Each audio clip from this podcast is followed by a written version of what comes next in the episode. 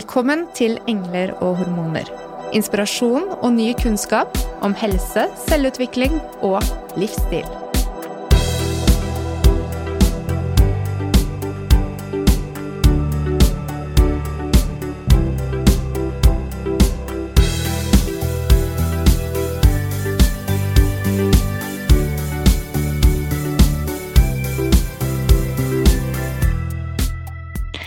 Hvis du vil gå ned i vekt, er det ofte fristende å gå for en løsning som gir raskt effekt, med minst mulig innsats. Apotek og helsekost florerer av produkter som skal gi deg en dokumentert effekt på vektreduksjon. Dietter og kurer for å oppnå det samme florerer på internett og i media. Men hvordan påvirker dette egentlig kroppen vår, og hva gir de beste resultatene? Og hva sier forskningen om kosthold og vektreduksjon? Vi har fått besøk av Pia Gårholm Sætre med master i ernæring i studio for å lære oss enda mer om dette. Hjertelig velkommen i studio, Pia. Tusen hjertelig takk. Fint å ha deg her igjen. Ja, det er hyggelig å komme tilbake. Nå har det vært mye snakk om eh, både kostholdsendringer og vektnedgang i media i det siste, Pia. Har du bitt deg merke i noen eh, overskrifter? Ja, det er vel egentlig umulig å ikke gjøre det. Det har vært så vanvittig mye overalt. Um, jeg tror de, de største overskriftene har vel vært dette med at det ikke er eh, noe poeng å være fysisk aktiv, og at eh, jobb, kroppen vil alltid jobbe imot deg uansett. Så det er vel egentlig ikke noe poeng å gjøre noen livsstilsendringer. Det, det reagerer man jo litt på da, som fagperson. Mm. Det er klart. For jeg, i hvert fall Mitt inntrykk er at det er en ganske egentlig en unison enighet om at uh, fysisk aktivitet og det å spise sunt, det er bra for deg. Ja, uten tvil. Og det er ikke bare bra for altså, vektregulering, men det er bra for helsa vår generelt sett. Så uavhengig av hva som er målet ditt, så vil det uansett være positivt for deg da, å gjøre sunnere livsstilsendringer. Mm. Det er veldig fint å ha deg som fagperson her, Pia, fordi det er lett å gå seg vill i jungelen av gode råd og tips når det gjelder vektreduksjon. Uh, mange er opptatt av å få gode resultater. Kanskje også helst så raskt som mulig. Uh, på enklest mulig måte. Og jeg tror det er på sin plass at vi tar en, en liten runde på hva som skjer i kroppen, og hva vi kan forvente oss når vi går inn på denne type opplegg, og hva som er bra for helsa vår. For vi har jo lyst til å ha en kropp som fungerer lenge og på best mulig måte. Mm, ja, det er helt klart. Eh, så og det er jo det med vektreduksjon også, at det er jo faktisk ikke nødvendigvis så veldig enkelt. Men vi ønsker som du sier, at det skal gå raskt, og uten at vi gjør så veldig stor innsats. Eh, men så viser det seg at det er jo gjerne ikke det som gjør at vi får de, eller oppnår de målene som vi ønsker oss. da. Kan vi først snakke litt om dette med vektreduksjon? Fordi eh, det er ulike grunner til det. Men når er det man egentlig har behov for å gå ned i vekt av eh, helsemessige årsaker? Ja, det er jo faktisk sånn at veldig mange ser på denne BMI-skalaen. Og basert på sin BMI så vurderer man om man er overvektig, normalvektig, om man har fedme eller om man er undervektig. Og Normalvekt det ligger mellom en BMI på 18,5 og 24,9 eller 25. da. Over 25 til 30 så er vi i den overvektskategorien. Og fra 30 og oppover så vil man kategorisere som å ha fedme. Og veldig mange tenker at hvis de har en BMI på 28 og havner i denne overvektskategorien, så må de ned i vekt. Men sånn er det faktisk ikke. Det helsemyndighetene anbefaler, er at hvis du har en BMI på over 30, så kan det være helsemessig grunnlag for å ha en vektreduksjon. Og den vektreduksjonen trenger ikke være på mer enn 5-10% av vekten. Så det er ikke et veldig stort vektreduksjon som må til for å ha en positiv helseeffekt. Er det uansett hvor høyt du ligger? På ja, skalaen? Eh, altså, det er det som man ser, anser som et realistisk eh, vekttap, og som vil ha en positiv helseeffekt. Men man, jo høyere man kommer på denne BMI-skalaen, vil det være gunstigere hvis man kan ha større, en større vektreduksjon også. Men vi ser jo at det er såpass vanskelig å oppnå en vektreduksjon for mange mennesker at man gjerne setter det som et første mål, og så ser man litt hvordan det, hvordan det går. da. Um, Og hvis man da ligger på denne overvektsdelen av BMI-skalaen, så er det faktisk ikke anbefalt med vektreduksjon, med mindre du har risikofaktorer for disse livsstilssykdommene.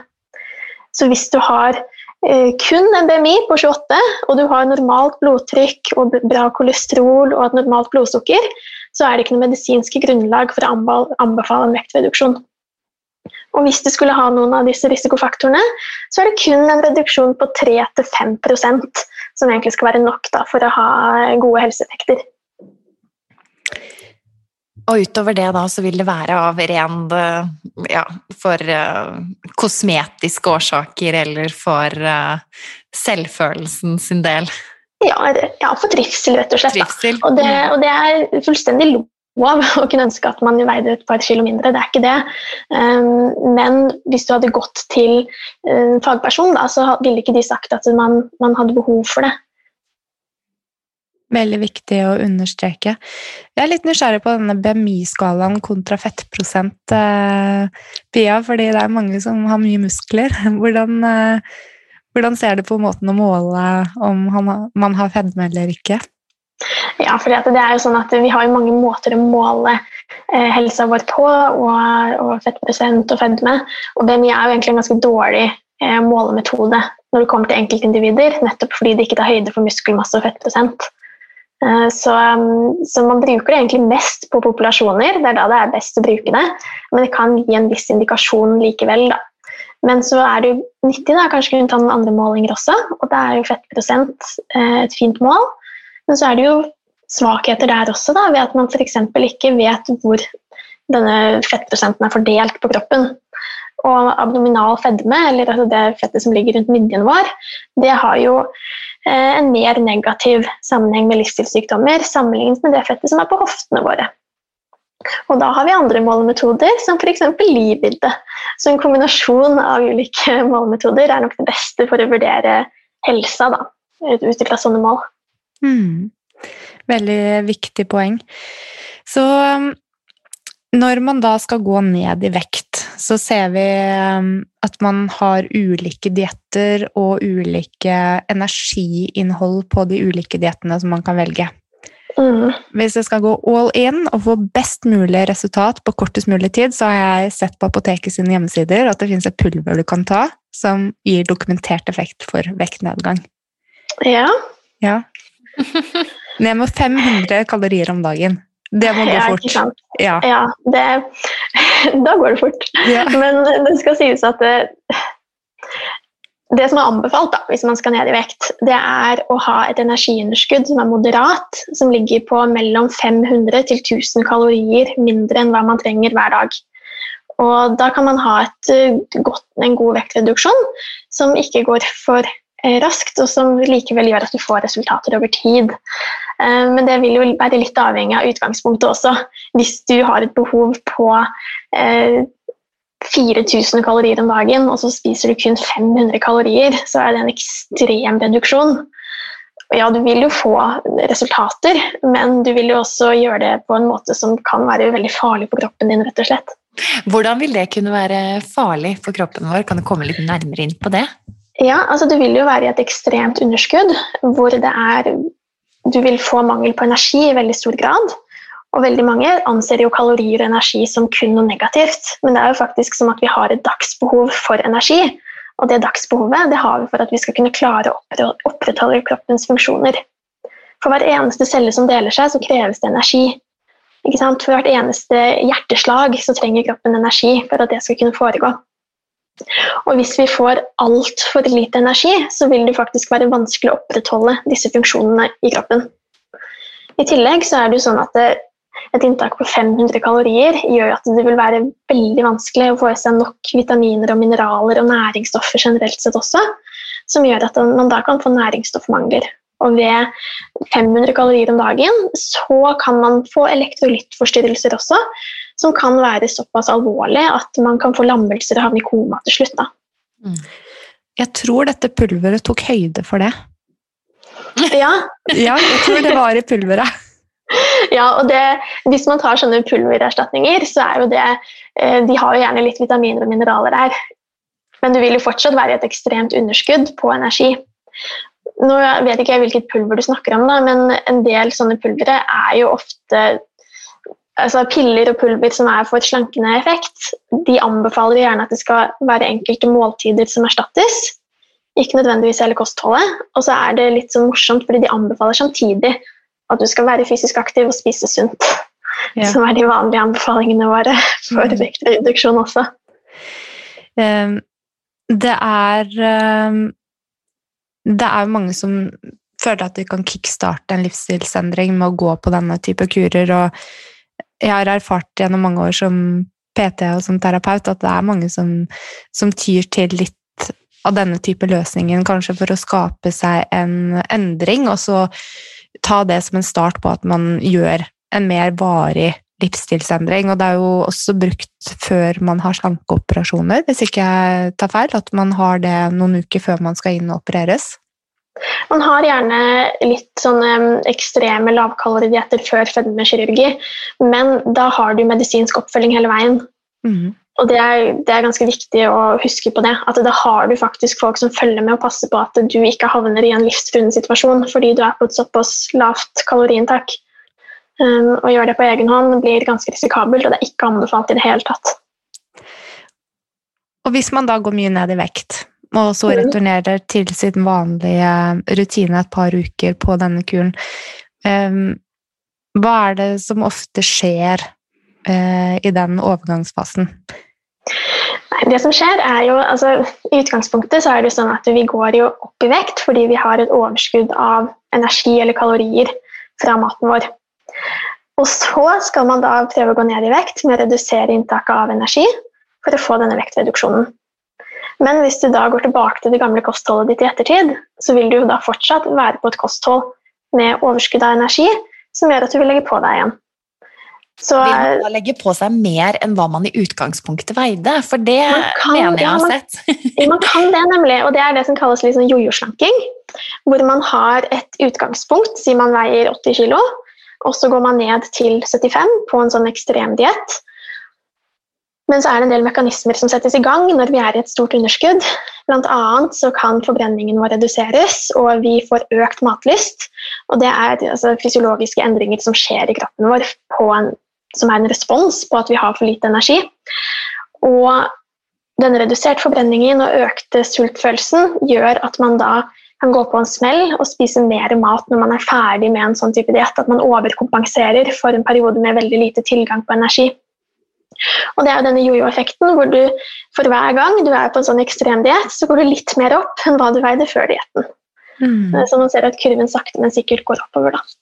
Og det som man vil ha, er jo en langtidseffekt. Eh, og da kan det også kanskje være fristende, istedenfor å gå på, for noe som er pulver som virker ganske unaturlig, det er å velge mer en type matvare eh, som en sånn suppediett eh, med grønnsaker f.eks., eller å spise spesifikt av én type produkt eh, i en periode. Hva tenker du om det som ernæringsfysiolog? Altså det du nevner, er såkalte monodietter, som vi kaller det. Um, og det er jo det er ikke sikkert at man har et like stort energiunderskudd som hva man har uh, ved å spise 500 kalorier f.eks. Men det vil jo være veldig ensformig med tanke på inntak av vitaminer og mineraler. Så du nevnte jo at I det pulveret så har man kanskje tilsatt litt ekstra næringsstoffer, men det får man jo ikke i en sånn suppediett f.eks. Så det er, jo, det er, jo, ikke ideelt på lang sikt, det heller. da, sant? Og det er veldig vanskelig å fortsette på en sånn diett over veldig lang tid, fordi at man blir jo utrolig lei av grønnsakssuppe, f.eks. Um, ja, du spiser mindre mat, og uansett hvordan diett du er på, så er det kaloriinntaket som gjerne har noe å si.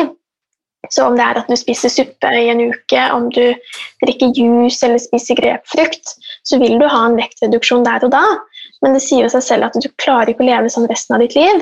Både fordi det er ensformig og trist og kjedelig, men også fordi du vil jo ikke få i deg de næringsstoffene du trenger. Det er rett og slett en usunn diett, og det er egentlig bra at vi ikke klarer å følge den over lang tid.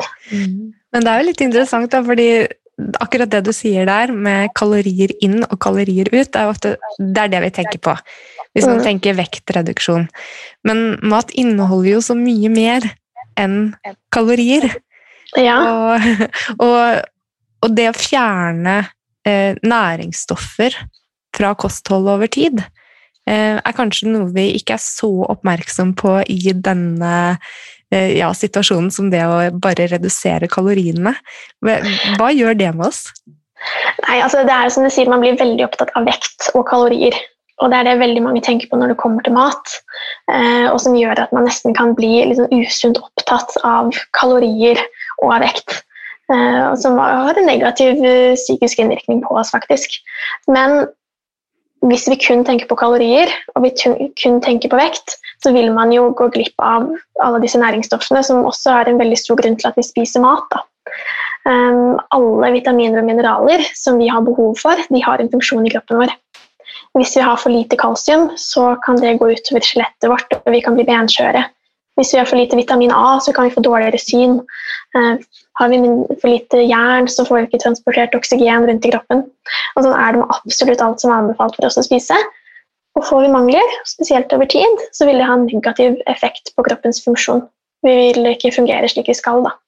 Men vi har jo da fått svaret på at, eh, på at det er muligheter for å gå ned i vekt ved å endre på kostholdet. Men ut fra det vi har snakket om nå, er det mulig å bli der og holde seg der? Og i så fall, hvordan kan vi gjøre det?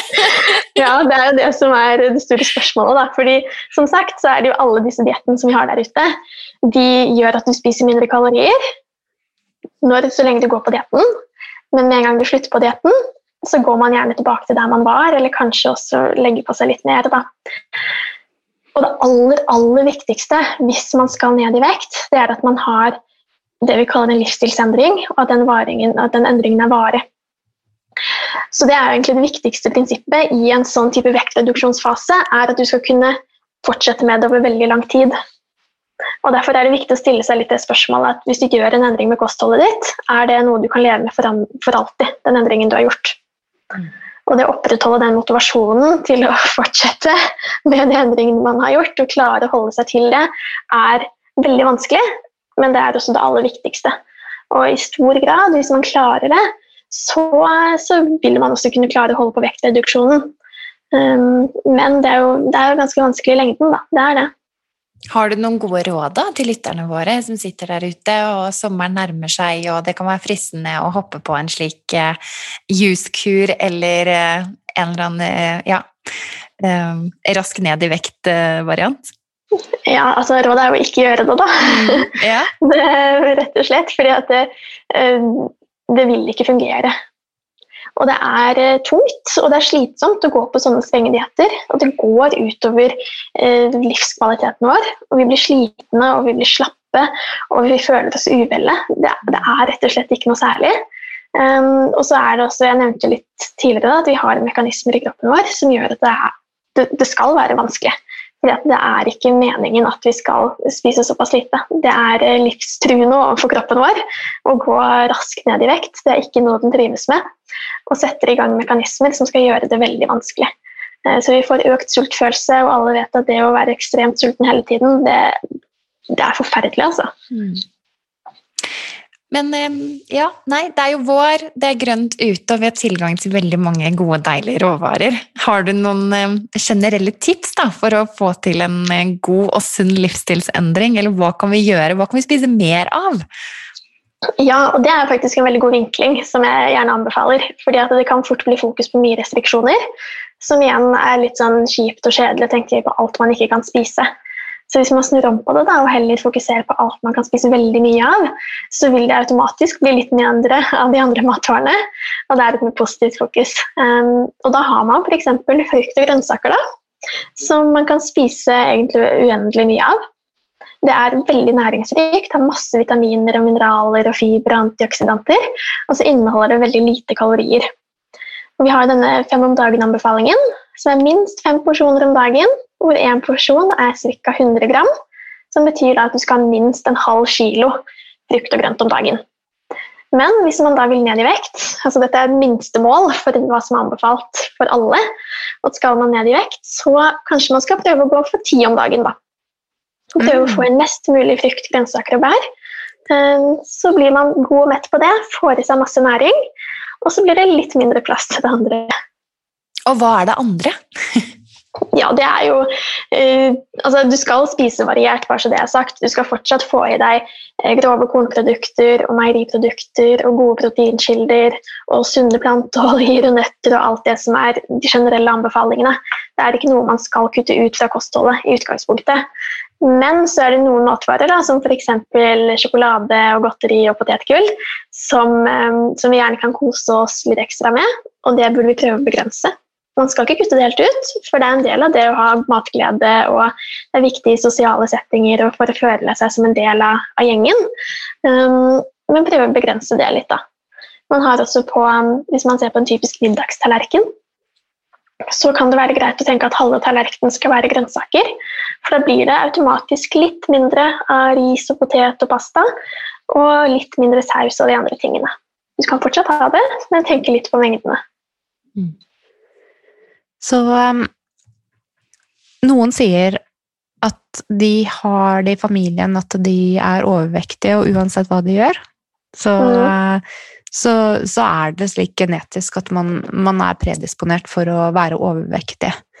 Hva mm. sier du til deg som uh, Med din kompetanse, uh, for de som opplever at det er slik, og at det er vanskelig å gå ned i vekt pga. nettopp dette? Mm. Vektreduksjon er veldig kompleks, og det er veldig mange ting som spiller inn. utover, Vi snakker om kalorier inn og kalorier ut, men noen har jo et bedre utgangspunkt enn andre. og Det er helt reelt, og vi ser at det er veldig mange ting som kan påvirke hvor lett og hvor vanskelig det er. Um, har man overvektige foreldre, så er det større sjanse for at, uh, at barnet også blir overvektig.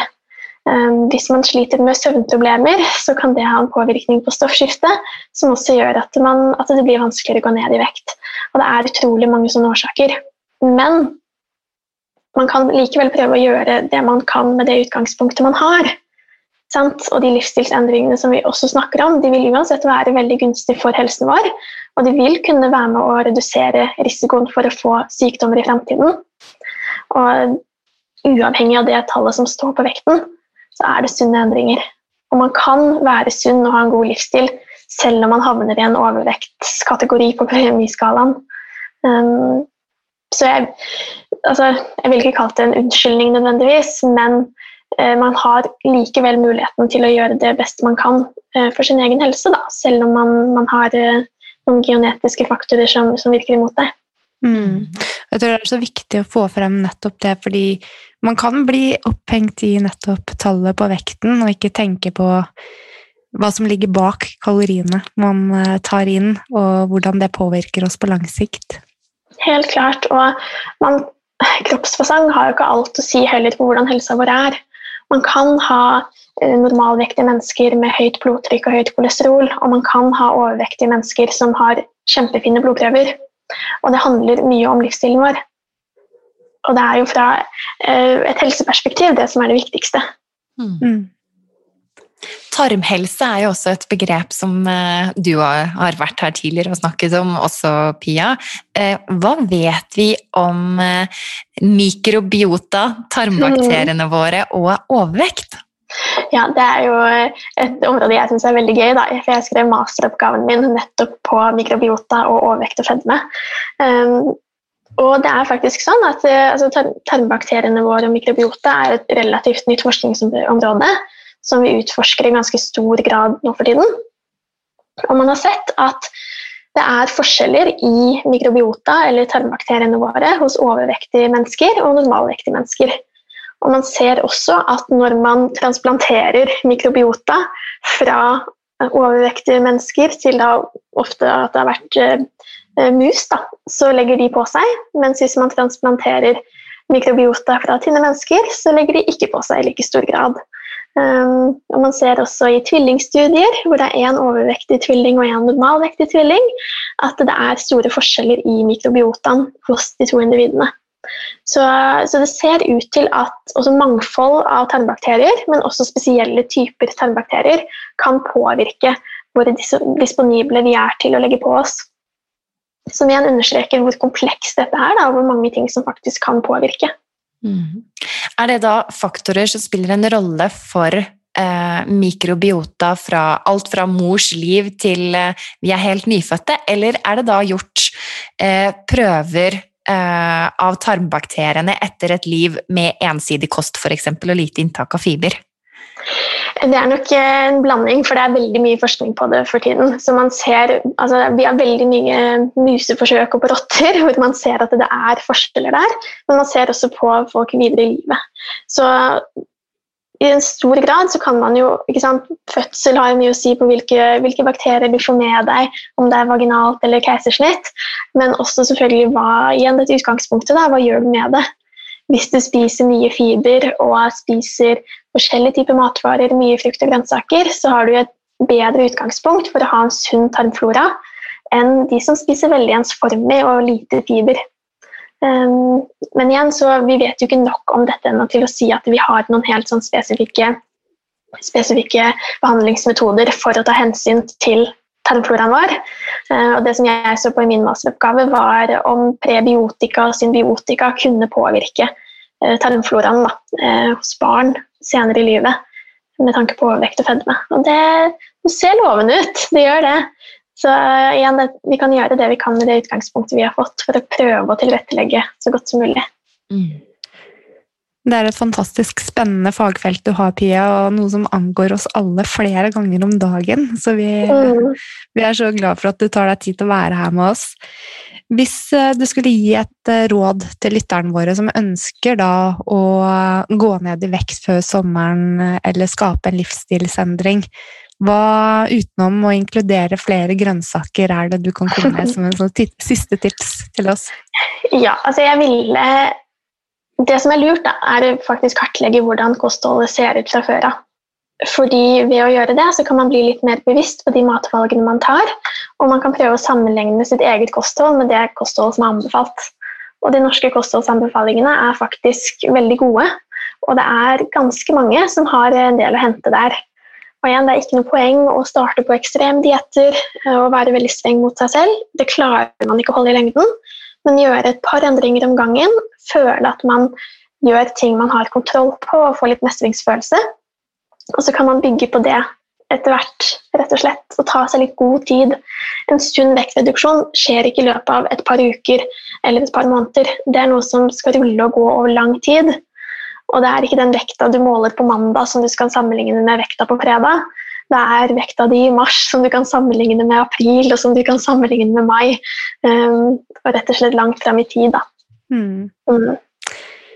Og eh, syklus kan også spille inn, kanskje, i forhold til når man veier seg og andre faktorer? Ja, helt klart. Det er så mye som spiller inn. Og rundt menstruasjon så er det mange som har litt mer væske i kroppen, som gjør at det kan være sånn demotiverende å se på vekta rundt, rundt, den tiden der. Hvis vi har spist mye salt mat i løpet av helgen, så vil vi også ha mer vann i kroppen.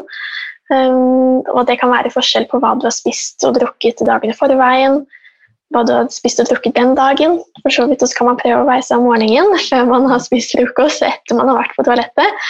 Men, um, men ja, det er så mye som påvirker at uh, det er den vekta over tid som det er viktig å tenke på, og ikke fra dag til dag eller fra uke til uke.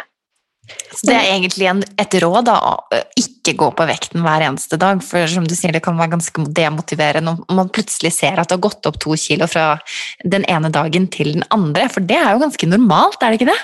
Det er helt normalt, og det er helt å forvente. Så som du sier, det er kjempedemotiverende, og det gjør at folk tenker at ja, men, ah, det her funker jo ikke. Men man, det er trenden man ser på.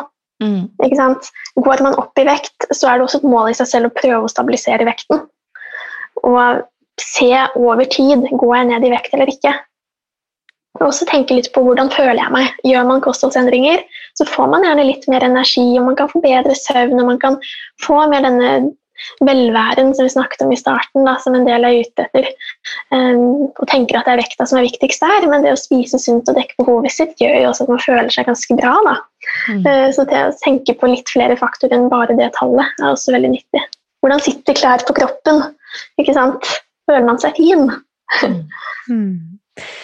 Det, det, er mange ting som vi kan inkludere på lista over målene som vi skal legge merke til da, når man ønsker mm. å ha en vektreduksjon. Nettopp også ved siden av kolonnen med antall kilo og skrive opp eh, hvordan man føler seg og hvordan livet Helt klart. er. Og igjen, det tallet på vekta er egentlig veldig sjeldent det viktigste.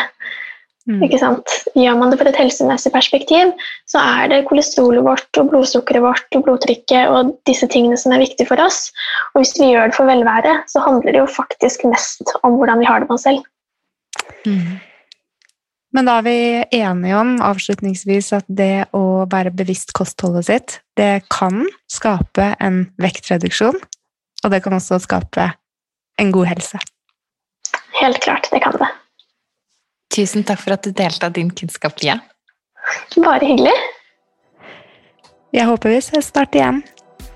Ja, det håper jeg også. Ha det godt. Ha det. Ha det godt.